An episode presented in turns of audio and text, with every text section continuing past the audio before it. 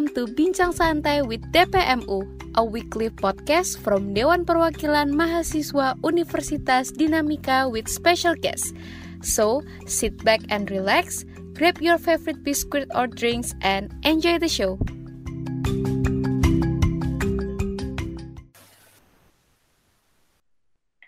Hai, selamat pagi, selamat sore, selamat malam teman-teman semuanya. Karena kan kita nggak tahu ya kalian dengerinnya kapan. Uh, balik lagi di podcast sama kita, bisa with DPMU, sama teman-teman DPM Universitas Dinamika.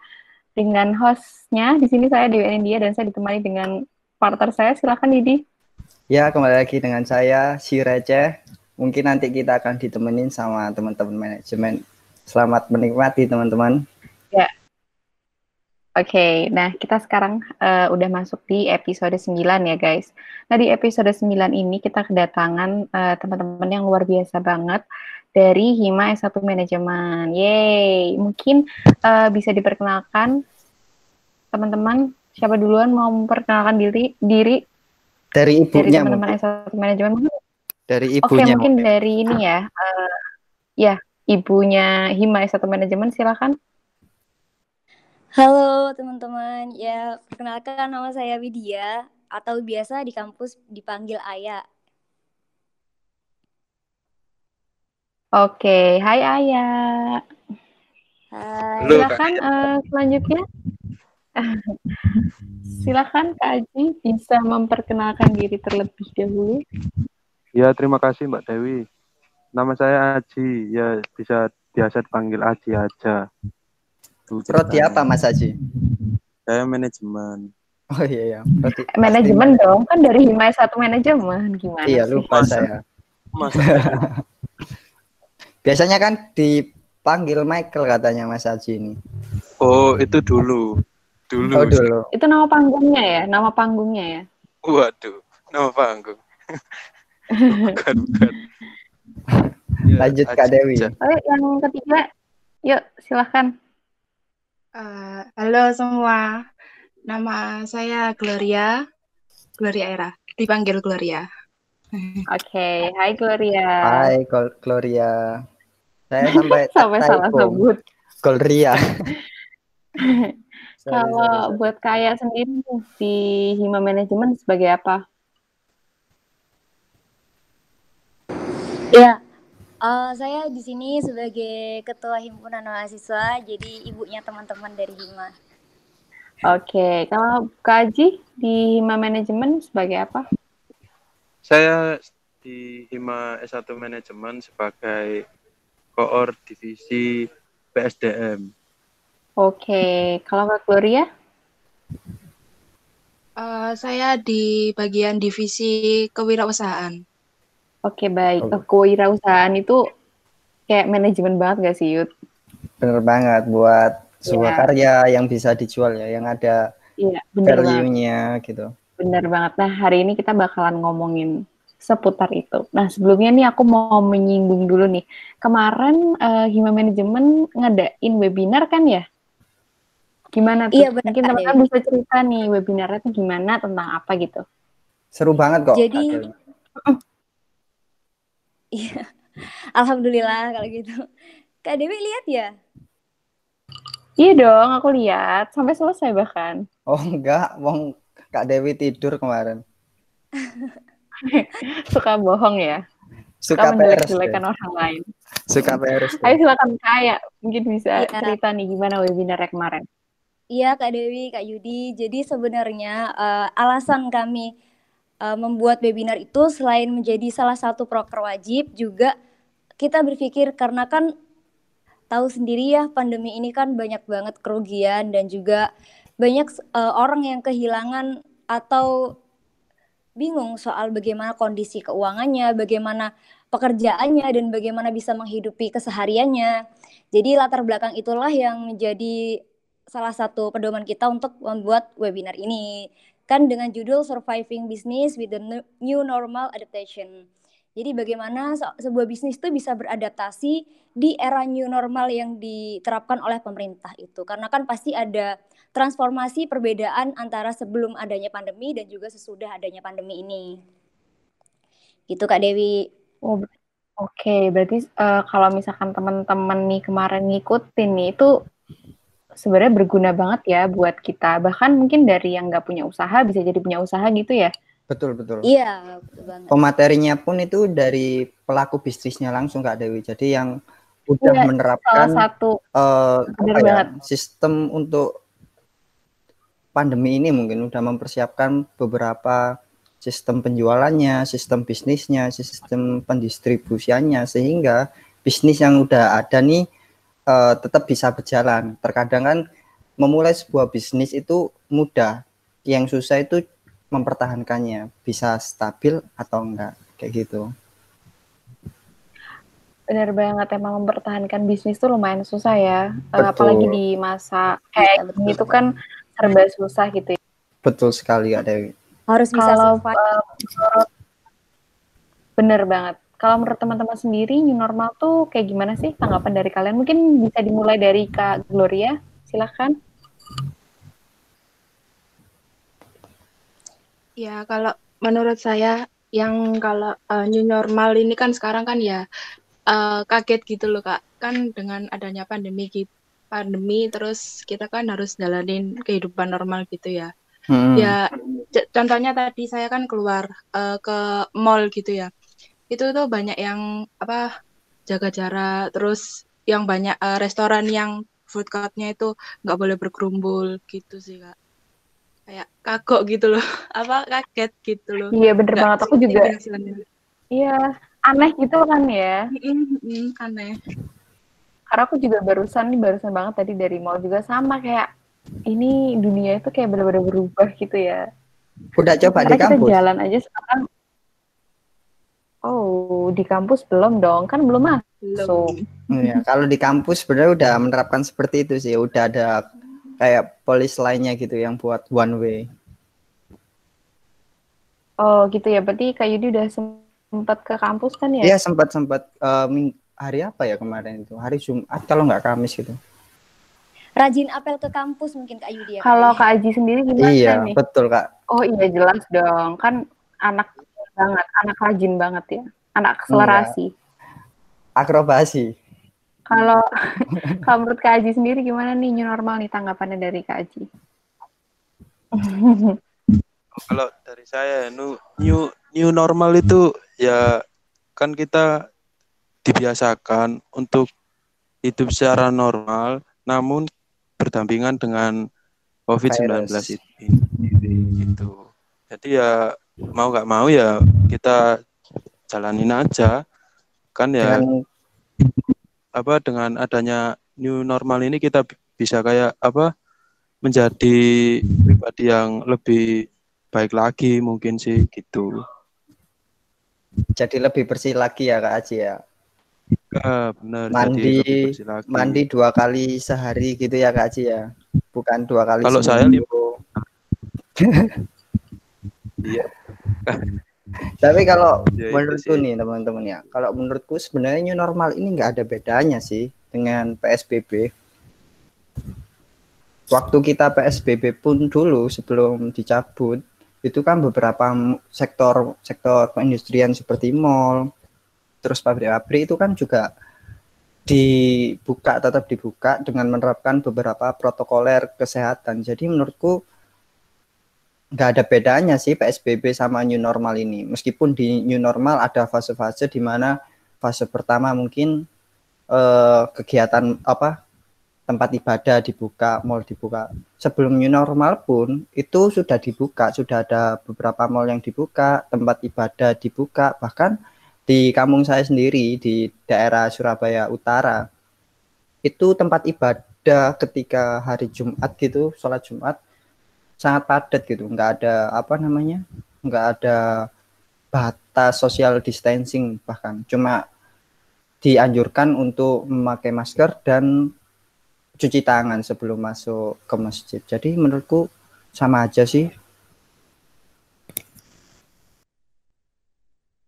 Mungkin uh, memang ya kalau misalkan kita lihat tuh nggak terlalu beda banget ya perbedaannya. Cuma betul. Uh, kalau waktu PSBB mungkin gini ya Yud, masjid A atau di daerah A itu yang berani aja atau apa ya? Mungkin hmm. mereka ada kebijakan sendiri di wilayah sendiri. Mungkin kalau iya. normal nih kayak lebih dari pusatnya tuh udah ada. Jadi mereka semua tuh bisa serentak uh, ngebuka gitu loh. Karena kan kalau misalnya betul, kita tahu ke PSBB juga mall-mall tuh pada buka tapi restoran kan nggak bisa dine in. Sekarang yeah, kan iya, udah pada away. bisa dine in meskipun belum semua kayak gitu kali ya. Betul betul, nah kalau teman-teman manajemen sendiri ini ada nggak yang uh, sekarang ini nih lagi punya usaha? Yang lagi ngejalanin usaha nih? Mungkin boleh diceritain dulu selama pandemik nih usahanya kayak gimana sih sejauh ini kondisinya? Kak Aji mungkin. Kasih ya, paham Mas Aji. Dari, dari saya ya kan dari segi usaha kan apa uh, dari ayah saya sendiri kan saya sering bantu ayah saya sendiri. Uh, BTW itu ayah saya uh, bisnis di bidang kuliner nasi goreng hmm. lebih tepat. Nah sebelum adanya pandemi seperti saat ini itu eh, bisa bilang ya lum apa lumayan atau naik lah naik naiknya gitu. Kalau biasanya sehari sebelum belum adanya pandemi ini sehari itu bisa sampai setnya itu bisa sampai 3 juta sampai 5 juta itu per hari. Itu per hari segitu ya Kak Aji ya? Iya nah hmm. pas setelah ada pandemi ini itu nggak omsetnya itu pun nggak sampai 2 juta jadi ya rasa banget sih gitu itu kemarin pun waktu bulan puasa itu uh, ayah saya ya kayak tutup itu udah gak jualan gitu jualan lagi sebulan Karena... penuh oh jadi benar-benar tutup Oh, iya benar tutup. Mungkin anjuran dari pemerintah itu ya untuk oh. uh, menutup tempat iya. makan tempat makan seperti itu ya. Iya, soalnya pas puasa hari pertama itu kan itu kan ya ayah saya bandel gitu kalau dibilangin gitu masih jualan. Hmm. akhirnya pas kan uh, dianjurkan tutup jam 9 jam 10 untuk kayak atau toko-toko. Itu kan tutupnya jam 10 jam 9 nah itu yeah. ayah ayah jam itu masih jualan. Akhirnya disamperin sama polisi disuruh tutup gitu. Hmm, tapi take away ya pas aja ya? Iya bisa take, take away. Atau dibolehkan untuk makan di situ? Ada ini? Ya bisa dimakan di tempatnya tapi ya saya ya itu udah kayak ngasih batas-batas gitu. Oh udah menerapkan social distancing juga ya? Iya. Physical distancing. Nah terus setelah adanya masa new normal ini ya hmm. berjalan lancar kembali gitu. Waktu kan, pan ya. Kan itu soalnya gini, kan di kan tempatnya usahanya ayah saya itu kan di sebelahnya Tunjungan Plaza hmm. yang notabene itu kan rame karyawan pengunjung gitu hmm. dan juga apa eh, konsumen dari usahanya ayah saya itu rata-rata karyawan sendiri dan lingkungan pasar. Jadi ya alhamdulillah lancar sih semenjak new normal ini. Kan kebanyakan karyawan udah pada masuk semua toh. Betul betul. Meskipun nggak kalau di mall uh, masih dibatasi ya jam bukanya ya atau ya. udah normal. Kalau di mall masih dibatasi tutupnya jam 9. Oh, sampai jam 9. Ya. Itu aja sih pada saat masa pandemi itu mungkin uh, ada sedikit perubahan pendistribusian mungkin kaji kayak mungkin dijadikan sebagai di bidang online gitu. Jadi promosinya lewat online terus nanti kalau ada yang order bisa melalui Gojek, bisa diantarkan dari pihaknya Mas Aji gitu atau hal tersebut enggak dilakukan? Ya sempat dilakukan ya ya dilakukan sih uh, hmm. bukan ya online sih itu grup tuh grup dari grup ke grup itu oh nah, grup buat promosinya Berarti nggak melalui seperti apa platform Instagram gitu ya? Enggak. Oke oke. Untuk pengiriman ya bisa saya kadang ya saya antar, kadang ya lewat apa aplikasi ojek online. Oke oke. Kalau dari teman-teman lainnya Nah, nih, kalau mungkin ya ada teman-teman lainnya mungkin ada yang eh, punya usaha gitu ya. Kalau tadi Mas Aji kan di bidang kuliner, mungkin ada yang Mm, eh, punya usaha di bidang lain atau di bidang yang sama juga nggak apa-apa sih. betul betul betul. Gimana gimana yuk? Iya Kak Dewi, Eh, ini sekedar sharing Iya, aja ya. silakan. Iya. Mungkin kalau eh, dari yang menghasilkan barang mungkin lebih kerasa ya karena mereka harus berinteraksi secara langsung seperti itu kan. Mm, Kalau di bidang jasa sendiri, saya alhamdulillah kan punya usaha di bidang jasa, jasa desain dan juga branding. Itu eh, mungkin kemudahannya itu masih dirasakan, cuman untuk pelanggannya juga ikut menurun gitu. Jadi ketika ketika PSBB atau ketika pandemi ini hadir, otomatis eh, semua sektor usaha itu mereka terbatas sehingga akan ber- sangat berdampak untuk sektor jasa seperti itu dan itu memang terasa sih Kak Dewi. Oh gitu ya. Jadi meskipun eh, usahanya kayak nih apa ya nggak bertemu secara langsung tuh pasti tetap. Tapi eh, apakah ini kan rata-rata tuh banyak ya yang dari offline itu jadi online. Itu apakah nggak ada yang ini? Apa malah nggak nambah gitu eh, orderannya jasanya? Karena kan mungkin desain-desain yang tadinya cuma online, eh offline terus jadi online, jadi punya Instagram konten kreator gitu. gitu ya, Kak Dewi ya. Iya, tetap masih masih berjalan. Cuman mungkin kapasitas orderan itu tetap ikut menurun dengan adanya pandemi ini. Jadi mungkin itu juga sih alasan eh, sebenarnya kata Kak Edi tadi antara PSBB dan juga new normal ini perubahannya cukup terasa sih bagi sektor bisnis. Misalkan ini ya, di masa PSBB kita terbatas mungkin dari sektor kuliner kan tidak boleh untuk dine in ya, semuanya take away gitu ketika masa new normal ini sudah boleh untuk dimakan di tempat, di seluruh tempat. Tadi kebetulan juga saya eh, keluar karena ada kepentingan dan ternyata sudah di ketika new normal ini sudah dibuka semua di sektor kulinernya. Jadi kita boleh menikmati ma- hidangan tersebut di tempat. Itu sih yang menurut saya eh, cukup signifikan perbedaannya dan mulai kita apa ya mengembalikan keseimbangan ekonomi dan semoga aja secepatnya ekonomi di Indonesia ini juga bakal pulih dengan adanya masa new normal ini. Betul betul. Kalau menurutku sih, kenapa eh, peminat dan peminat untuk setiap jasa, setiap bisnis gitu menurun, itu mungkin karena sektor ekonomi kita juga diserang. Jadi otomatis toh kalau misal ekonomi kita menurun, pasti kebutuhan masyarakatnya pun ikut menurun. Di mana yang dulunya habitnya suka mungkin suka belanja, suka ke mall, suka makan di luar, akhirnya mereka memilih untuk menghemat beberapa uangnya untuk membuat sendiri di rumah. Mungkin seperti itu sih kalau menurutku. Iya Kak Yud. Jadi Iya sih Ketika- benar, make sense, make sense Hmm. juga ya. eh, eh, jadi Ketika kalau dalam bisnis silakan kayak. Iya, ketika dalam bisnis, ketika kan kita pasti uh, bergantung kepada konsumen ya. Nah, ketika di, di konsumen itu sendiri kondisi ekonominya menurun akibat uh, pandemi ini, otomatis daya beli masyarakat bakal menurun.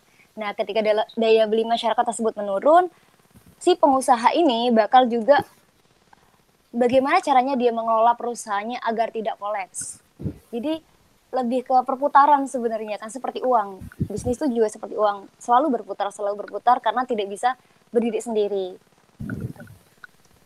Cuman Betul, mungkin betul. nanti kita juga bakal sharing beberapa tips yang kita pelajari di S1 Manajemen Universitas Dinamika.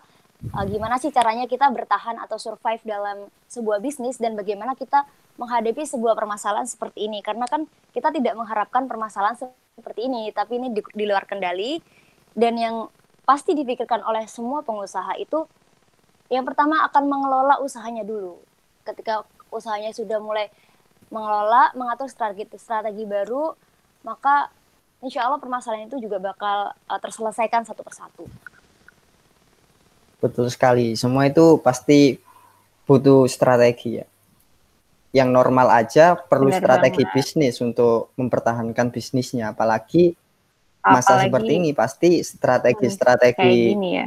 yang baru itu harus diterapkan agar ya seperti yang dikatakan kayak tadi biar bisnisnya tetap bisa bertahan dan tetap stabil.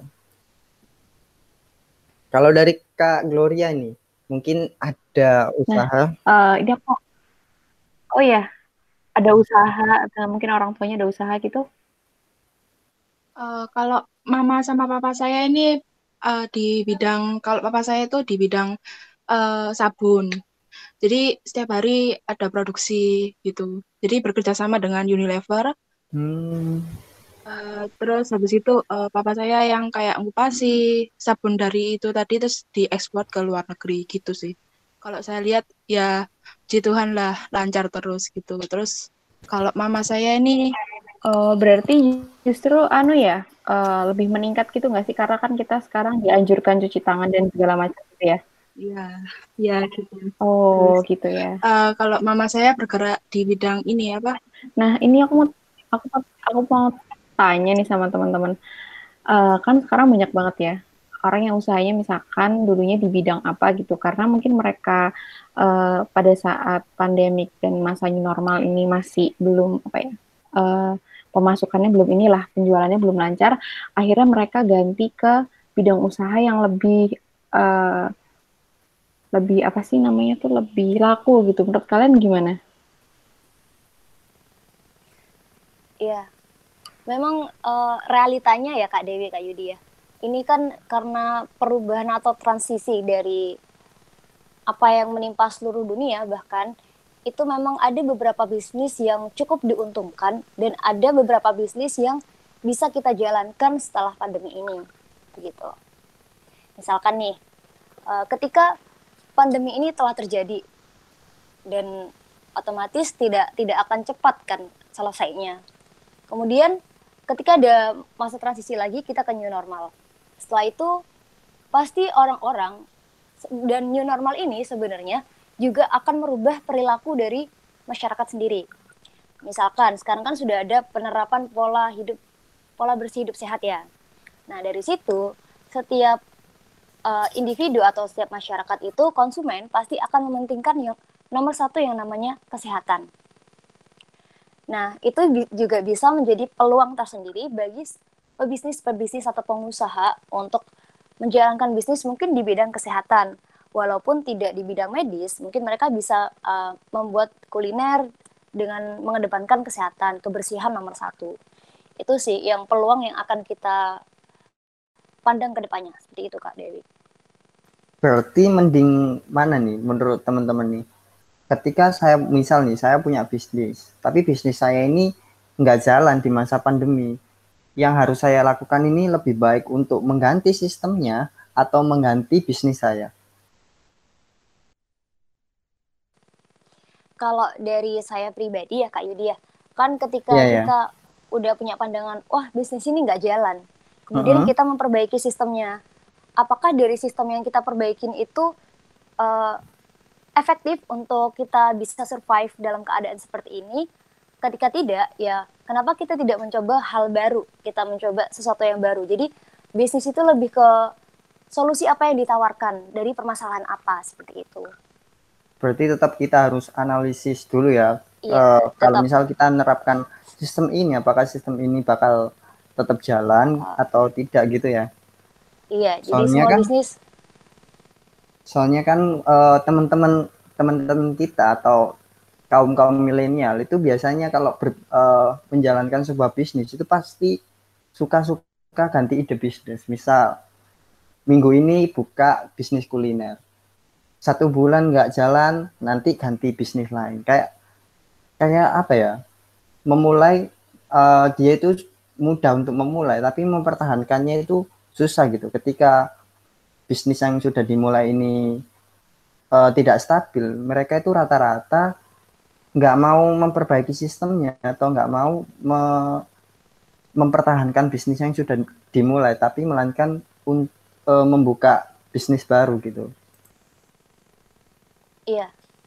Bener sih Kak Yudi. Iya bener, Bener banget. banget. Itu aku banget sih. itu aku banget. Kalau milenial kan susah ditebak. Iya. Kalau mut-mutan juga gitu. Bisa diatur Apalagi juga ya. teman-teman ma- teman-teman mahasiswa gitu ya. Belum kalau bisnisnya rame terus ternyata tugasnya juga rame nih. Lah, kadang itu teman-teman mahasiswa Ya udah, bisnisnya tinggal aja. teman-teman mahasiswa ini kadang bingung gitu menurut ini aku eh, ngutamain profitku atau tujuanku utama di kuliah gitu. Akhirnya nggak bisa di blended gitu. Iya, itu tadi ya. Makanya kenapa kalau misalnya kita apa membuat sebuah bisnis harus istiqomah juga ya Kak Yudi ya. Biar Siap. tidak tidak goyang di tengah jalan seperti itu. Siap, siap. Terus juga dalam Mungkin dari teman-teman lain ada tanggapan nih gimana menurut kalian nih Mas Michael atas ini. pertanyaannya Kak mau- Yudi barusan nih. Mending Iya. dipertahankan apa ganti?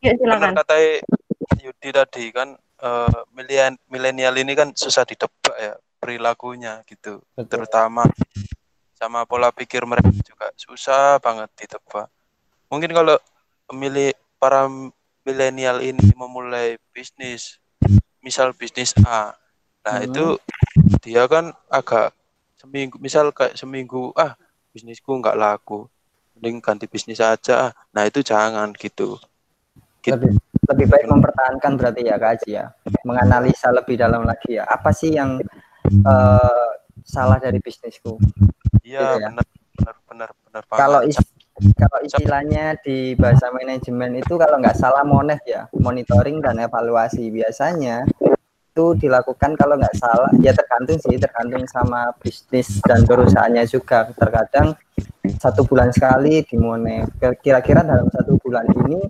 teman-teman bisnisnya teman-teman ini mengalami penurunan kenaikan atau seperti apa? Kalau misal mengalami penurunan itu di minggu keberapa dan karena apa? Mungkin kita bisa eh, mengatur ulang segmentasinya. Segmentasi yang salah ini di segmentasi pasarnya kah? Atau segmentasi di di orangnya di behaviornya kah? Atau seperti apa? Jadi kalau menurut teman-teman ini eh, lebih ke arah analisa analisa analisa dulu bisnisnya teman-teman. Apa yang salah dievaluasi dimonitoring setiap harinya jangan langsung ke arah merubah ide ide, bisnis yang baru kayak gitu Iya, bantu jawab dari Kak Yudi ya. Eh, mungkin ini sih, kita lebih menghargai proses struggle-nya kita untuk menjalankan sebuah bisnis. Atau juga di awal kita mendirikan sebuah bisnis, pasti kan kalau misalkan kita memang berniat untuk membuka sebuah bisnis, itu kalau di manajemen itu ada yang namanya bisnis plan ya Kak Dewi ya? Ada yang namanya bisnis plan atau bisnis model canvas. Nah, itu juga salah satu pegangan kita untuk memahami bisnis kita sendiri ini targetnya sebenarnya siapa gitu. seperti pemetaan pemetaan berarti ya kayak ya Iya, benar. Mulai dari cost yang dikeluarkan, mulai dari value apa dari dalam bisnis kita, mulai dari bagaimana kita berkomunikasi dengan konsumen, strategi marketing, itu ada di bisnis model canvas. betul betul. Jadi eh, kalau pengen berusaha perlu diketahui nih sama teman-teman. Kalau dari tips dari teman-teman manajemen teman-teman harus memperhatikan dulu eh, pemetaan dari bisnisnya ini ide bisnisnya teman-teman ini ke arah mana saja. Seperti yang dikatakan Kak Ayat dan Kak Aji tadi targetnya ke siapa eh, pasarnya ke mana terus eh, apa tadi kas kasnya yang dikeluarkan itu untuk apa aja? Biar apa? Biar nanti kalau kalau ada struggle atau kalau ada masalah di tengah jalan teman-teman nggak langsung memutuskan untuk ganti usaha atau ganti ide bisnis tapi mungkin bisa mengurangi beberapa kas yang dikeluarkan atau mungkin pasarnya dirubah atau mungkin eh, targetnya yang dirubah. Kayak gitu Ya, benar-benar. Mbak. Oh, Mungkin dari eh, Kak Gloria ada tambahan nih dari tadi kan Kak Aya sama Kak Aja nih. Mungkin dari Kak Gloria punya tanggapan yang berbeda gitu, punya tanggapan sendiri.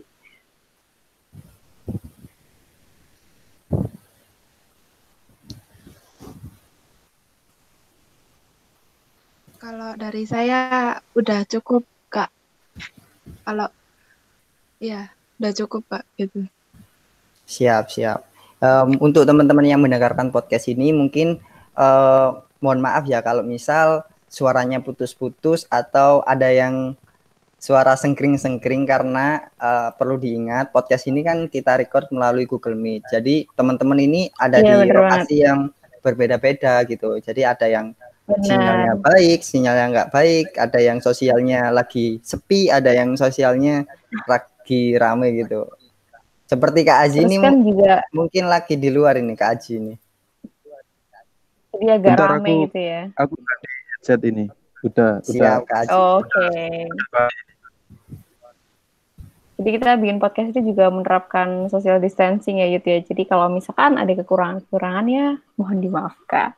Iya, lanjut Kak Dewi. Oke, kita lanjut uh, apa ya? Kalau menurut Dewi. Uh, menurut gimana gimana? Aku mau tanya nih sama teman-teman nih. Kan uh, kebetulan uh, orang tua aku, ayahku kan bekerja di sektor dagang kebetulan sektor dagangnya ini di pasar, pasar tradisional.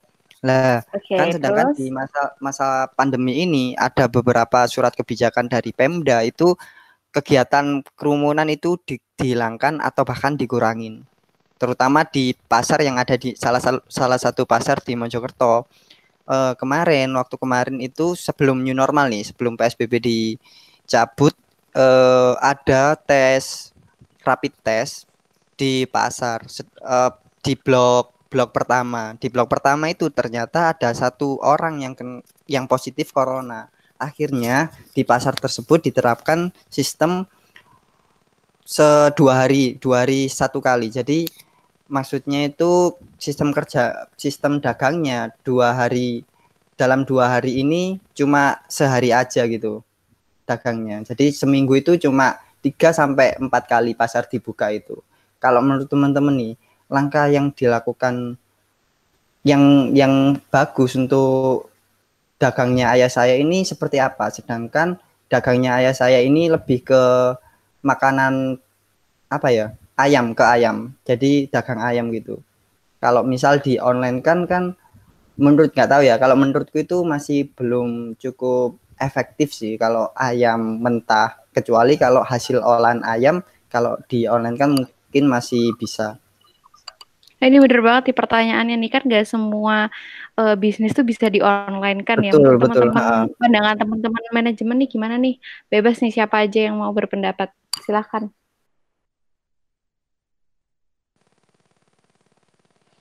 Iya, bantu jawab dari Kak Yudi ya. Iya, uh, ya. Itu sebenarnya salah satu perjuangan juga sih. Iya, iya. Tapi gimana ya? Mungkin uh, ketika pasar tradisional yang ada di negara kita ini mulai diterapkan sistem atau pemetaan pasar yang bagus, mungkin itu akan baik ya karena di Surabaya sendiri kalau tidak salah sudah ada pemetaan pasar tradisional, bukan sih? Ada yang tahu? Mungkin nggak semua sih kak ya, kayak misal ada kios-kiosnya yeah. gitu ya kak ya, seperti yang bukan bukan bukan bukan gimana, kios gimana? Yudi jadi Pemetaan seperti di, di jalan, di jalan biasanya kan pasar mm -hmm. kalau pasar tradisional itu kan ada yang tidak memiliki kios ya. Itu kita mm, dipetakan iya, iya, iya. di jalan, jadi dibuat garis kotak itu. Nah, itu juga uh, antar antar pedagang itu garisnya memiliki space sehingga tidak tidak uh, resiko untuk berkerumun itu akan semakin berkurang. Nah, kalau misalkan kan tidak semua kebijakan itu bisa diterapkan di semua daerah. Betul. Mungkin solusi yang bisa diterapkan kalau dari kita pribadi, mohon maaf kalau salah Mas Yudi, soalnya masih belajar juga. Ya nggak apa-apa, kan ini uh, pendapat bebas aja dari Iya, uh, uh, jadi mungkin bisa itu sih, apa, uh, bisa kalau uh, itu loh, kalau misalnya ada orang yang pesan atau setiap setiap pelanggan itu bisa memiliki nomor dari si penjual. Jadi misalkan untuk pengiriman melal bisa melalui pengiriman dari si penjual gitu Kak Yudi. Itu jika memungkinkan. Gitu. Berarti Karena ke kalau, uh, mungkin fokusnya terhadap pelanggan setia gitu ya Kak ya. Mungkin kayak pelanggan yang iya. sudah menetap gitu ya. Iya mungkin bisa. Dan pelanggan baru pun juga sebenarnya bisa atau bisa pasang di sosial media, tetap bisa menggunakan media online sih sebenarnya. Kan Karena Mm-mm. eh, kalau ayam itu bisa ditaruh kulkas kan ya Kak Yudia? Iya bisa. Cuma ada batasnya sih. Dan eh, dari beberapa konsumen itu nggak semua menerima ayam yang ditaruh kulkas. Karena kan kalau ditaruh kulkas biasanya sebenarnya tetap tetap ini tetap sehat. Cuma kalau sepengetahuannya orang-orang kalau dari kulkas itu nggak segar gitu loh emang nggak langsung dari Ah. setelah pen, eh, penyel, ce- penyem P E N J E penyembelihan gitu loh nggak nggak Iya. nggak sama kayak penyembelihan gitu nggak semua konsumen itu Nggak ada kata yang lebih indah dari itu ya. Iya, mungkin Iya, pemotongan ya. ya betul pemotongan Nah, itu. gitu. Emang susah kalau sih kalau basicnya. Ha, biasanya kan aku juga ikut motong toh, ikut Ah. motong ayam, ikut ikut ngejual juga. Nggak semua konsumen biasanya menerima kalau ayam ini eh, habis dari kulkas gitu, dari freezer karena ada freezernya tersendiri dan juga ada suhu khususnya biar nutrisi yang ada di ayam ini tetap utuh gitu, nggak berkurang sama sekali. Sebenarnya nggak nggak ngaruh sih, tapi ya kembali lagi ke konsumen kayak gitu. Iya. Kalau di pasar tradisional kan juga eh, satu kali satu kali beli ya, maksudnya langsung beli gitu kan. Hmm. Ya, mungkin bisa diterapkan untuk online ini tuh kan juga ketika pelanggan pesan bisa langsung diantarkan. Jadi hanya perbedaan tempat aja ketika membeli. Kalau misalkan melalui via online, pelanggan tetap membeli di rumah, si penjual itu mengantarkan. Atau bisa juga Kak Yudi nih saran, mungkin Kak Hmm. Bisa bekerja sama sama uh, mitra bermitra sama mungkin resto atau hotel atau dan lain sebagainya mencoba mencari mitra untuk supplier ayam tetap seperti itu. Itu juga termasuk hal yang bisa Mhm. menambah omset. Benar, benar, seperti benar. Mungkin Benar. bisa Kalau- dilakukan. Kalau hal seperti itu sih sebenarnya udah dilakukan dan alhamdulillah udah punya kerjasama dengan beberapa restoran, beberapa tempat wisata juga. Cumaan waktu pandemi ini kan banyak yang tutup juga, banyak yang mengurang akhirnya ya banyak yang lepas order juga seperti itu. Tapi benar banget sih kat- katanya Kak Ayat tadi eh, mungkin coba dimitrakan atau dicoba online gitu. Iya, perbanyak mitra aja Kak Yudi. Siap. Mungkin bener banget sih ya. Mungkin dari teman-teman yang lain ada saran nih buat Kak Yudi? Atau mungkin buat sektor apa aja ya yang Hmm. nggak semua kan? Ya aku yang aku bilang tadi nggak semua tuh bisa di online kan gitu kan? Betul sekali. Mungkin teman-teman ada tanggapan, ada saran, ada masukan yang berbeda dari Kak Aya mungkin?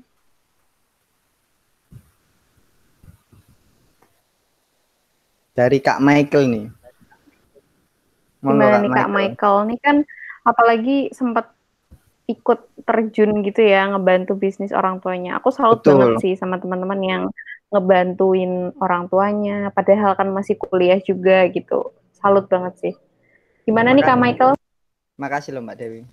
Calon idaman itu Kak Michael. tuh. Makasih. Ya, sebenarnya aku bilang ke Kak Michael sih bukan ke Kak Yudi gitu. Kan saya juga bantu orang tua saya. Iya, iya. Oke, oke. ya monggo Ya, Kak Michael. silakan Kak Michael. Itu sih apa kayak nggak ada itu sih apa perbedaannya sih. Kalau misal eh eh, suatu usaha yang eh, mungkin nggak bisa di online kan atau mungkin nggak bisa dijual secara online gitu ya emang agak susah sih. Contoh kita ambil contoh itu ya apa ya itu usahanya Mas Yudi tadi kan tidak Hmm, bisa di online kan sih memang. Tapi kan kalau misal Mas Yudi sendiri itu eh, atau orang tuanya Mas Yudi sendiri itu punya banyak apa kayak pelanggan tetap sih. Kalau punya pelanggan tetap sih ya aman-aman aja. Mungkin mungkin sih agak berkurang di masa pandemi seperti ini gitu. Emang sih terasa banget sih kalau misal kita punya usaha yang nggak bisa di online kan betul sekali. Banyak juga sih Mungkin- sektor eh, yang terganggu juga bukan dari dagang aja sih ya seperti yang dikatakan Kak, Aya tadi semua sektor. Contohnya saja eh, kebetulan kan aku dulu juga freelance uh, untuk teknisi di Barunawati di Yayasan Baru Barunawati untuk seperti menyiapkan ujian online, ujian sekolah, ujian nasional. Sekarang ya udah nggak dibutuhkan gitu, udah nggak nggak dipakai karena ujian nasional pun udah dihilangkan. Teman-teman SMA, SMP, SD, SMK itu udah SFH semua gitu. Jadi benar kata Kak Ayat tadi, semua sektor juga terganggu sih sebenarnya tergantung kitanya aja mau berputar otak sedikit untuk mempertahankan bisnis kita atau memulai dengan yang baru. Iya, tetap ada harus ada analisis sih sebenarnya. Betul untuk sekali. mengatasi. Sama passion sih menurutku.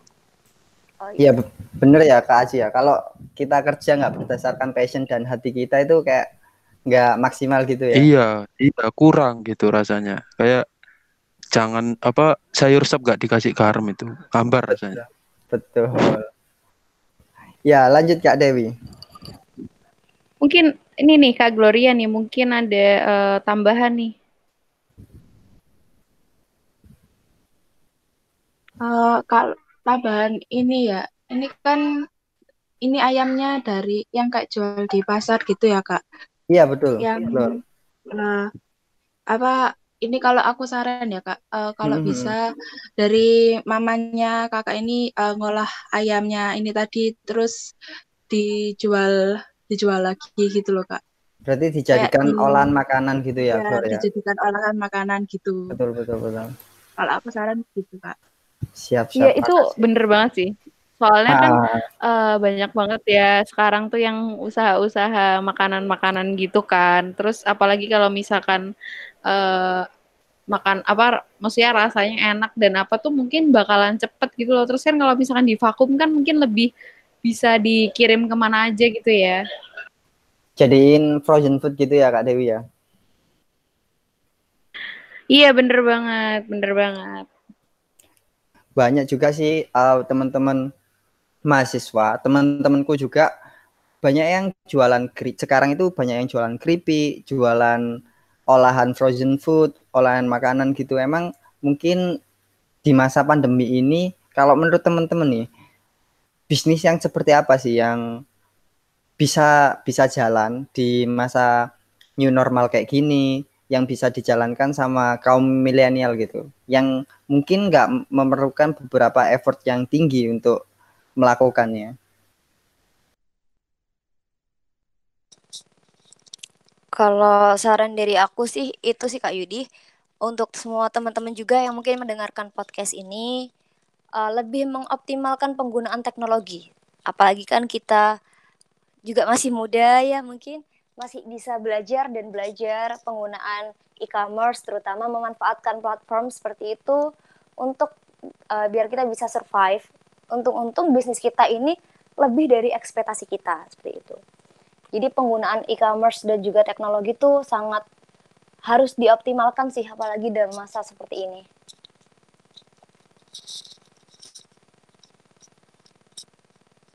Mungkin teman-teman lainnya gimana? Kak Michael atau Kak Gloria, silakan.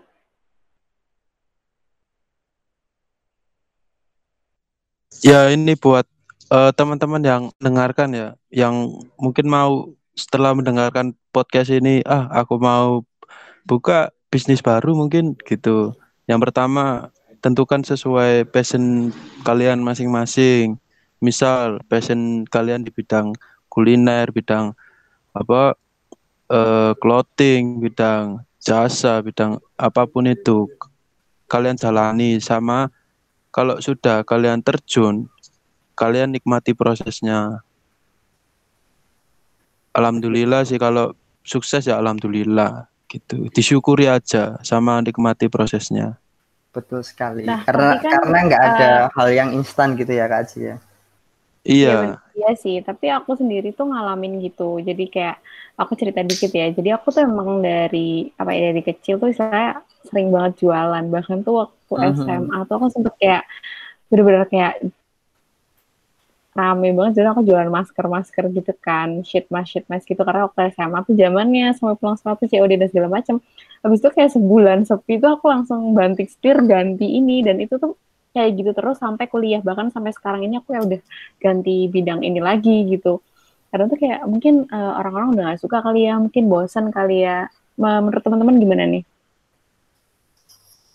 Berarti kak Dewi ini uh, berbisnis berdasarkan trendingnya sekarang apa ya? Kayak apa sih yang diminati sama teman-teman sekarang gitu? Sebenarnya nggak cuma uh, dari trending aja sih Yud tapi aku suka gitu karena waktu aku dulu jual sheet mask dan segala macam itu waktu aku SMA aku bener-bener kayak suka skincare banget. Oh. terus sering cari tahu. Jadi ketika orang beli dan nanya aku tuh bisa ngasih advice. Terus aku juga pernah jualan baju karena aku tuh suka. Sampai sekarang akhirnya aku memutuskan untuk bikin thrift shop yang sebenarnya masih coming soon tapi kayak aku belum mulai-mulai gitu. Oke teman-teman bisa kasih saran gitu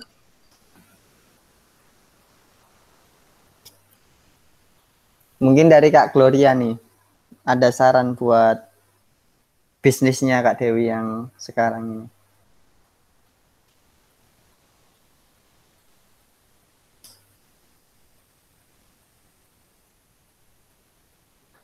Halo guys, apa kabar di sana? Halo.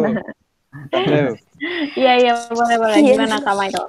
Gini Kak Dew. Ya. Oke okay, oke. Okay. Menurut Kak Dew itu sih hebat sih. Bisa kayak uh, kayak misal pas SMA itu apa apa usahanya bikin bisnis apa? Enggak, aku jualan masker sih. Aku ngambil di orang, terus kayak ya udah aku oh. jualin lagi masker ke kesehatan. Ya? Reseller ya kak ya? Bukan, iya aku reseller. Bukan, bukan masker kesehatan, shit mas oh, bukan skincare. Masker. Bukan, bukan masker, bukan masker ya. kesehatan.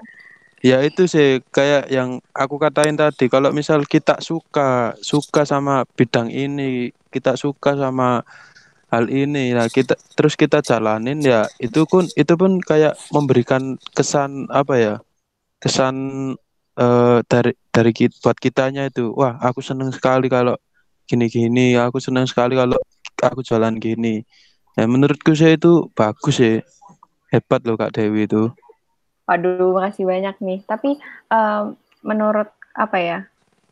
Tapi tuh aku juga gampang bosanan gitu ya. Jadi mungkin gak laku dikit kayak ganti. Terus kalau menurut kalian nih misalkan aku uh, bergerak di bidang yang orang tuh udah banyak banget itu tuh apa masih memungkinkan? Apa ah mendingan cari lagi aja gitu? Uh, itu sih kak Dewi mungkin ya. Kalau memang kan setiap bisnis kan pasti ada pesaing ya. Kalau nggak ada pesaing bukan bisnis. Jadi hmm. pasti ada kak Dewi. Tetap itu sih apa cari diferensiasinya antara uh, produk yang dimiliki sama Kak Dewi dan juga yang lain.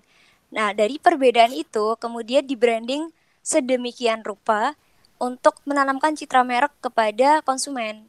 Jadi lebih kalau sekarang bisnis sekarang tuh ya, main, kalau saya aku lihat pribadi tuh main lomba branding sebenarnya. Brand value-nya kan, berarti ya. Iya, jadi ketika bisnis itu terlihat biasa. Sebenarnya bisnis itu sama seperti bisnis yang lainnya, hanya ada sedikit perbedaan tapi bisnis tersebut dikemas dalam branding yang cukup bagus. Nah, itu akan menarik hati konsumen. Seperti itu Kak Dewi. Jadi, mungkin walaupun uh, reseller kan mungkin ambil dari orang lain ya Kak Dewi ya. Jadi tetap uh, all shopnya Kak Dewi bisa di branding mungkin dari memperbanyak testimoni, oh endorse endorse apa selebgram dan lain-lain itu juga value-nya lebih besar sih menurut aku. Oh, jadi uh, ke brandingnya gitu ya. Mungkin sama konten-konten di Instagram kali ya ditambahnya Iya, benar banget. Gitu ya. Hmm, Mengenalkan okay. gitu. Ini enak banget ya Yud kita uh, ngobrol sama uh, teman-teman Himaya satu manajemen yeah. jadi kita punya pencerahan kayak kita tuh kayak gini, kita tuh kayak gini gitu. Gratis lagi coba dengerin podcast oh. doang. Konsultasi ya Kak Dewi. Bener konsultasi secara online kita bisa menghasilkan cuan dengan rebahan. Iya itu itu anu sih mungkin milenial sekarang tuh kayak maunya dapat duit tapi kayak sambil tiduran. Iya, online shop sebenarnya bisa sih. Gak online shop tuh bisa kan. Gitu ya. Bisa tapi, kok Kak Dewi. Iya kan online shop tuh bisa uh, banget. Uh, kalau kalian mager gitu. Contohnya aja perusahaan yang sekarang cukup besar dan juga cukup apa ya? Uh, sebenarnya perusahaan bangsa ya yang sekarang cukup bahkan di beberapa negara kayak Gojek dan lain-lain itu kan uh, mereka hanya menjadi penghubung antara mitra satu dengan konsumen seperti itu. Jadi dengan uh, dia jadi penghubung dia yang menyediakan sebuah platform, tapi dia bisa sebesar ini gitu. Ini yang membuktikan bahwa sebenarnya uh, bisnis itu tidak tidak semua bisnis itu memer memerlukan modal yang cukup besar seperti itu. Ada yang memang bisnis bisa dikerjakan dengan menggunakan uh, kemampuan dan juga apa ya uh, timing yang tepat seperti itu bisa dibilang. Oke, okay, uh, aku mau nanya satu lagi nih. Menurut teman-teman, kalau misalkan kita punya usaha tuh enaknya begitu kita mulai, karena kan kalau misalkan apalagi kalau basicnya di sosial media ya, kayak uh, pandemik sekarang kayak gini kan mungkin banyak yang via online. Menurut kalian mending mana kita itu ngeluarin sedikit uh, eh lebih banyak modal untuk kayak endorse dan sebagainya atau kita uh, cukup dari teman-teman atau lingkungan sekitar kita aja tapi mungkin lebih lambat kali ya uh, pertumbuhannya. Gimana nih menurut teman-teman? Mungkin dari Kak Michael atau Kak Gloria silakan.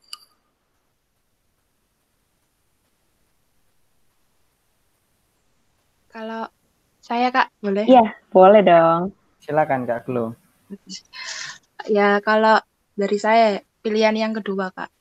Jadi dari teman-teman dulu, habis itu kan kan kita kan udah dapat uh, pembeli yang banyak ya. Setelah itu uh, pembeli ini tadi ini kayak dari mulut ke mulut gitu loh Kak.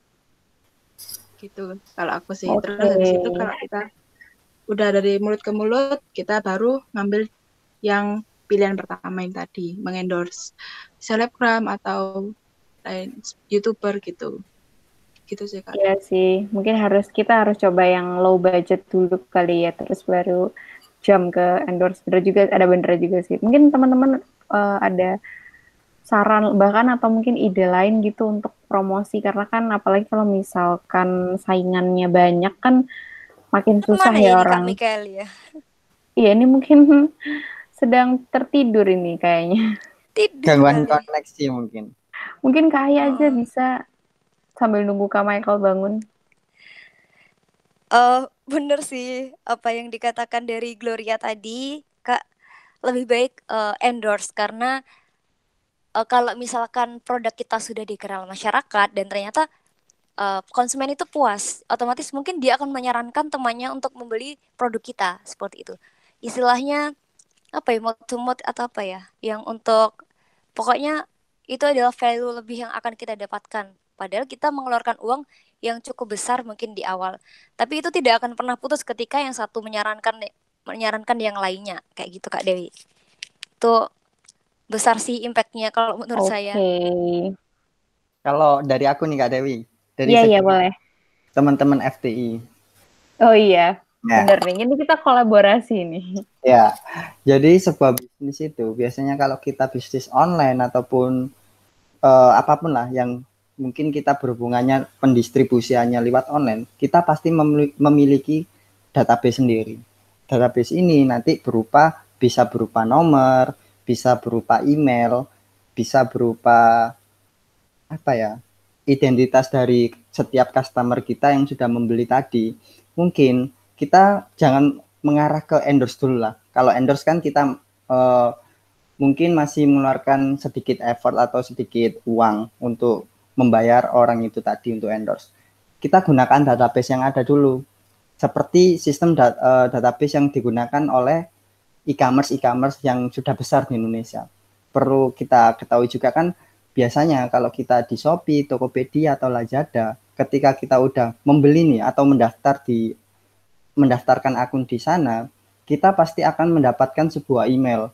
Biasanya email promo, entah itu email voucher dan lain-lain, itu bisa kita terapkan di bisnis kita yang kita geraknya lewat online. Jadi misal uh, dalam uh, hari ini saya buka bisnis, terus dalam satu bulan saya sudah memiliki 100 customer saya nggak perlu effort lebih untuk uh, mengenalkan bisnis saya ke dunia luar dulu. Saya uh, saya mengenalkan dulu ke setiap customer yang 100 customer ini untuk mengenalkan beberapa promo yang baru, produk yang baru melalui database saya. Jadi saya cukup membroadcast membroadcastkan sebuah promo tersebut ke ke customer uh, ke 100 customer pertama saya tadi otomatis nanti 100 customer tadi emang nggak serat dari 100 emang nggak semua yang ngeklik promo tersebut dari 100 itu pasti adalah satu atau beberapa yang mengklik bahkan menyebarkan promo tersebut apalagi kalau first impression dari produk kita itu udah bagus pasti otomatis produk kita akan disebarluaskan sama si customer dari database kita ini kalau dari saya sih seperti itu sih saya punya satu Oh, teori. ini. Iya Oke, gimana Mas. Haji? Kak Michael dari mana ini tadi? Ketiduran Iya. ya Kak Michael? Silakan, silakan. Ini saya punya satu teori ini dari dosen saya di S1 Manajemen Undika. Gini, kalau Siapa misal siapa? dari Pak Chandra gini. Oke. Oke. eh gini kan misal misal nih saya saya sendiri punya bisnis baru Hmm. baru sekali baru jalan sekali nah itu kita nah itu saya udah udah dapat untung gitu. Untung yang besar sekali. Nah ke- soalnya gini kebiasaannya kalau orang-orang seperti saya gini kalau kalau udah dapat untung lah itu biasanya dibuat foya-foya dibuat beli ini beli itu buat kehidupannya sendiri. Itu keliru. Itu sangat keliru. Justru sebaliknya kita kalau udah untung untung banyak sekali harusnya kita untung tersebut kita buat ngembangin lebih jauh lebih baik lagi dan jauh lebih untung lagi gitu Seperti mungkin buka cabang gitu ya Mas Haji ya. Heeh. lebih dikembangin lagi jangan kalau kita dapat untung Oke. terus foya-foya buat ke Iya sih, itu aku banget sih. gitu Bener-bener bener banget sih kata banyak, Mas banyak sih. banget. Iya, ah. itu Karena yang kadang kita ya, nggak sadar ya.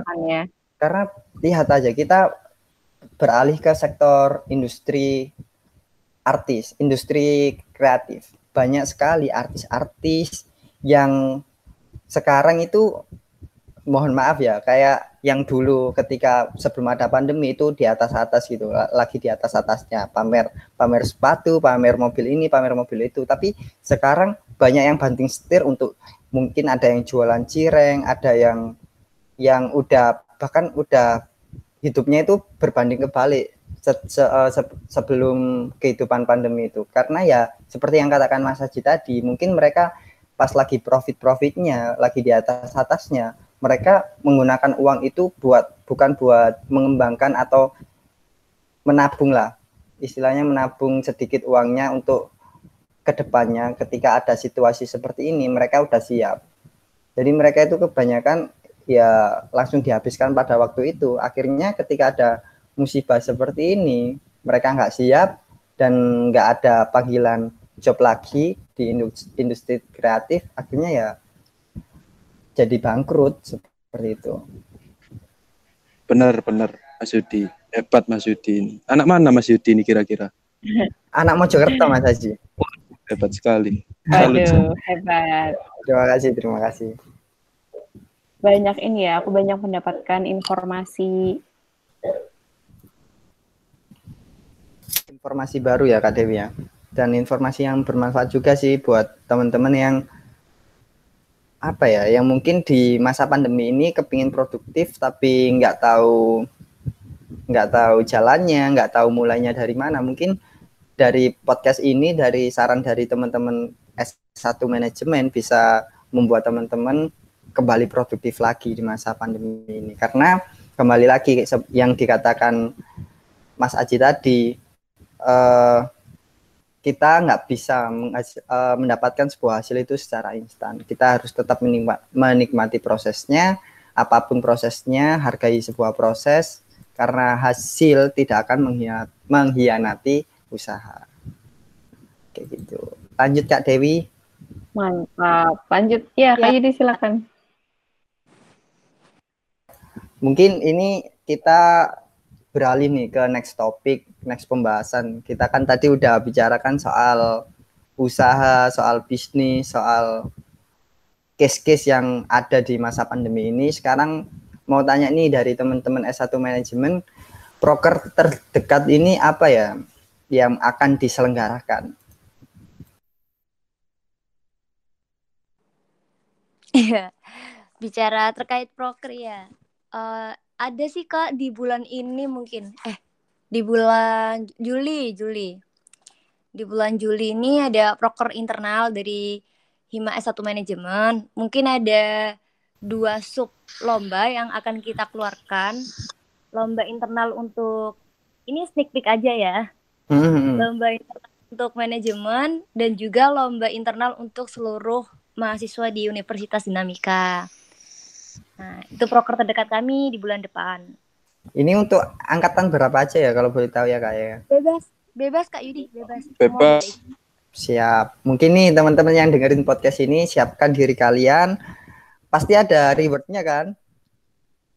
Oh, ada dong. Mungkin Ada. reward buat beli pulsa Ada. atau belanja mungkin bisa. Ayo Nanti teman-teman. dapat tanda tangan dari saya. Ah, antum siapa bapak? Kak Michael nih mungkin artis dong di luar, selebgram. Iya, saya Kita nggak tahu aja. Ya. saya pernah saya, saya pernah lihat di Instagram. Ternyata Kak Michael ini adalah seorang penyanyi nih Kak Deo. Mungkin bisa nih Waduh. Sedikit, Wah. sedikit di disuarakan nih suaranya di sini. Ayo Kak Michael. Enggak sih, bukan bukan penyanyi sih. Kalau misal saya pernah ikut Apa dong? itu panggung, tapi saya bukan nyanyi, golong kabel saya lebih Ah. tepatnya. Ya Perkap ya. ampun, tapi Passion, passionnya kalau perkap. nggak ada yang gulung kabel juga nggak bisa jalan tuh konser. Iya, semua itu saling melengkapi. Benar banget. seperti seperti aku dengan dia. Watatatau. Yang mana nih? Yang mana nih? Yang mana nih? Ah suka deh kalau udah bahas kayak gini. Kayaknya banyak banget ya yang mana ini. Kenapa? Ya itu bener banget. Emang Kenapa? banyak banget. Dianya tuh banyak banget. Wow, tidak dong. Ayolah Kak Dewi, Hmm. ini kita podcast berapa ya? Podcast udah Satu tiga. untuk semua ya Kak Yudi ya. Ini udah podcast podcast ketiga Kak Dewi membuat stigma bahwa saya adalah seorang fuckboy. Padahal saya tidak seperti itu Loh, dong. kan gini. Tinggal orang eh, apa ya? meresapi aja kalau misalkan bener-bener kenal sama kamu wah oh, enggak kok jadi enggak gitu bakalan gitu tenang aja nggak usah khawatir Siap, siap, siap. Nggak apa-apa Kak Yudi, mungkin nanti bisa di endorse dengan nobatan tak fuckboy itu mungkin bisa di endorse ya Kak oh Yudi. iya followersnya bukan bisa itunya. naik terus ya Tidak cocok dong. Muka saya dengan seorang fuckboy itu tidak cocok dong. Saya ini good boy. ini pembicaraannya jadi ini ya jadi ke mana-mana ini Jadi ini teman-teman nih yang dengerin podcast ini persiapkan diri teman-teman. Mungkin ada clue nih lombanya soal apa Kak Aya? Untuk clue dasarnya sih lombanya soal case gitu aja sih kayak Oh, sebuah kasus pada bisnis ataupun ide bisnis membuat gitu ya sebuah berarti ya. bisnis, iya seperti itu. Nah, Jadi mungkin bisa jadi nih dengan ikut lomba di manajemen ini nantinya uang atau hadiahnya bisa buat modal untuk buka sebuah bisnis atau betul. justru inspirasi untuk bisnisnya sendiri. bener banget benar-benar. Mm-mm, bener banget Jadi jadi teman-teman mungkin teman-teman bisa stay tune aja ya di sosial medianya Himai satu manajemen ya Kak Yudi ya? Betul. Di mana nih eh, ada sosial medianya teman-teman manajemen ini apa ya kalau boleh tahu ya? Instagram Ada. atau di web Ada. atau di mana? dilihat di at manajemen dinamika untuk Instagramnya. Terus uh, numpang promosi juga ya nih Kak Dewi, Ya. Kak Yudi. Silakan bisa Kak di boleh banget boleh banget. Silakan. Bisa dicek webinar kita yang kemarin ada video rekapannya di YouTube-nya manajemen. Ada Hima Manajemen Undika, itu bisa dilihat karena bakal banyak pertanyaan-pertanyaan dari peserta kemarin tuh yang bagus-bagus banget. Ada yang peserta dari Universitas Brawijaya, Universitas Panjajaran dan lain-lain tuh benar-benar kita sharing semuanya bisa dilihat sama teman-teman di YouTube-nya Manajemen Dinamika atau nanti bisa diklik di bio-nya di Instagram Manajemen Dinamika. Tuh. Siap. Keren loh ini teman-teman Oke. manajemen Kak Dewi. Eh, dulu ya kemarin itu- bener-bener produktif ya kemarin Iya, sebelum webinar dilakukan itu sempat eh, ada kabar dari Kak Aya sebenarnya webnya eh, webinar ini diku- pada awalnya pada awalnya itu dikhususkan untuk internal Undika saja tapi semakin ke sini ternyata peminatnya sampai nasional bahkan dari teman-teman ITB teman-teman ITS UNER itu ada semua gitu di sana jadi keren sekali. Ya teman-teman manajemen ini Iya, di masa pandemi tetap Bener, bisa bener. melakukan sebuah proker yang tingkatnya itu bahkan nasional gitu. Mungkin bisa jadi apa ya referensi untuk teman-teman ormawa yang lainnya untuk tetap produktif gitu Iya, aku aja kemarin sampai mau daftar yang di Google Meet itu udah nggak bisa karena udah penuh. Jadi aku terpaksa nontonnya lewat live YouTube-nya manajemen. Dan emang yang in, apa pertanyaan yang masuk tuh eh, cukup banyak dan pesertanya tuh interaktif gitu loh. Jadi nggak yang sepi gitu. Hebat karena banget sih. di sana pesertanya pun ada Iya. dosen dari apa namanya dosen dari luar juga gitu Iya. Itu sebenarnya gini. gimana gimana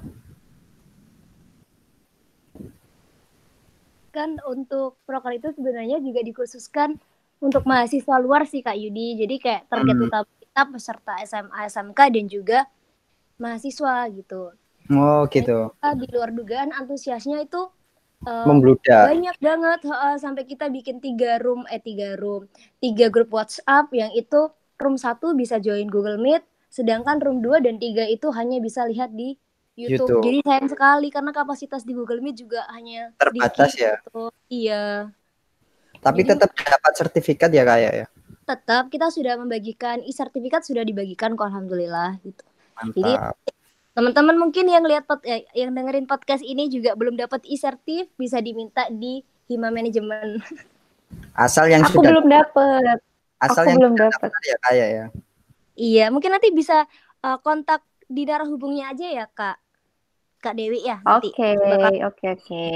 emang kak Dewi udah daftar Belum sih awal waktu itu langsung aja kayak langsung Aduh. join Ya, aja. Soalnya waktu itu dong kalau nggak soalnya ya waktu itu nggak aku ada kuliah.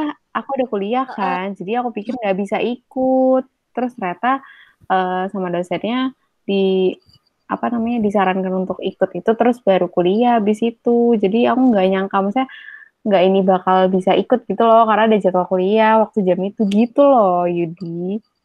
berarti nggak boleh dapat sertif atau boleh Ya nih ya apa-apa. Yang yang penting dapat ilmunya lah. oh boleh kata kak Oh, boleh. Kak Dewi boleh khusus. wow Oh, haha, sorry.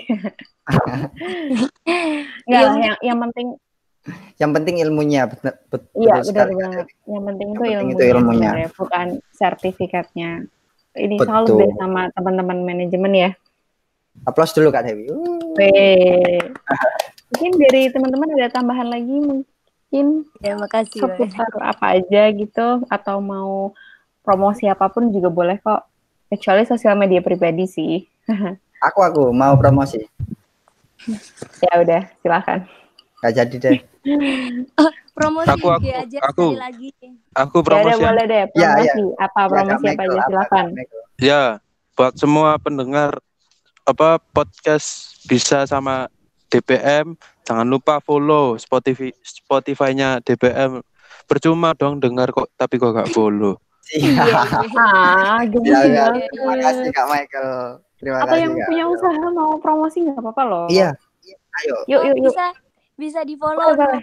ya insdesign.co. Oke, yang mau ja- eh, yang butuh jasa-jasa ya. Iya, jasa desain atau branding dari usahanya bisa bantu marketing dan lain-lain bisa konsultasi sama kita. Ya. Aku juga mau promosi nih Kak Dewi. Ya, boleh semua, semua Promosi. Ya, buat yang dengerin podcast yang butuh konsultasi soal kehidupan, hubungi saya di nomor di bawah ini. Nggak penting sih skip aja. Ayo Kak Michael, nggak mau promosi juga nih. Iya Mas Yudi nanti saya kontak ya Siap, Mas Michael. saya banyak masalah soalnya Ya, saya siap membantu. Ya, eh, kembali lagi nih ke prokernya teman-teman yang lomba tadi. Ayo buat teman-teman yang mau buka bisnis atau ada ide bisnis, ayo lombakan dan persiapkan diri teman-teman di proker yang akan diadakan sama Hima S1 Manajemen.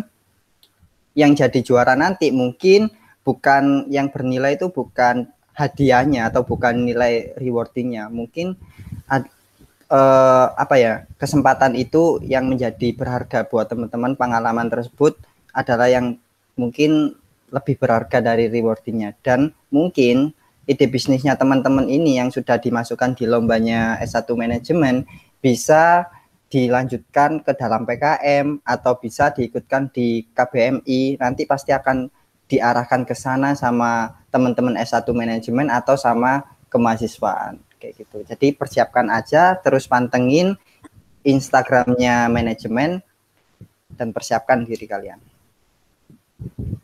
Oke, okay, benar banget. Mungkin uh, teman-teman mau ada tambah lagi apa udah cukup?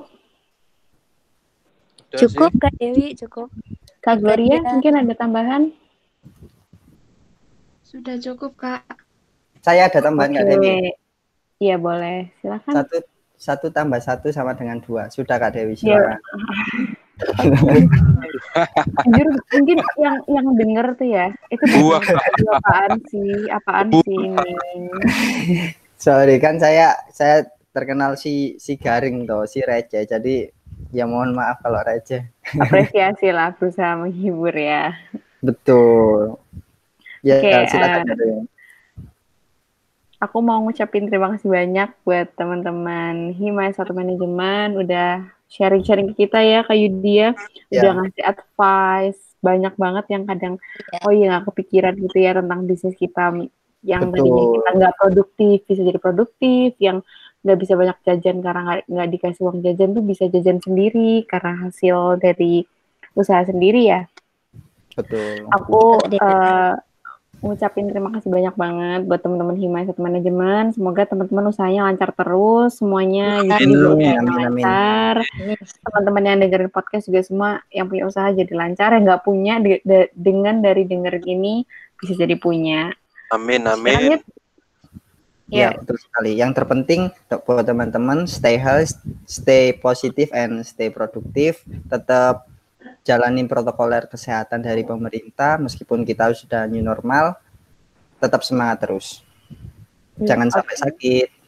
Bener banget. Oke aku Dewi dia selaku hostnya. Ucapkan terima kasih buat teman-teman yang udah dengerin. Jangan lupa juga dengerin podcast podcast kita yang lain. Ya terima kasih. Yudi silakan Iya dari saya ke osnya dari Mbak Dewi si Receh pamit undur diri. Mohon maaf kalau ada kata-kata dari kita yang kurang berkenan di hati teman-teman. Terima kasih. See you in the, in the next episode. Selamat malam, selamat pagi, selamat sore.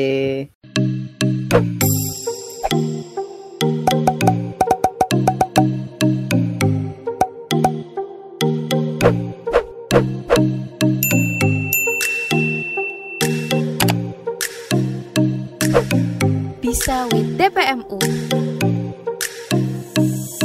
You listen us up in the air.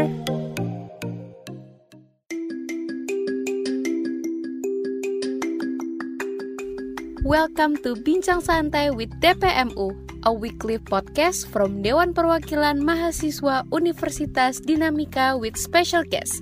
So, sit back and relax, grab your favorite biscuit or drinks, and enjoy the show.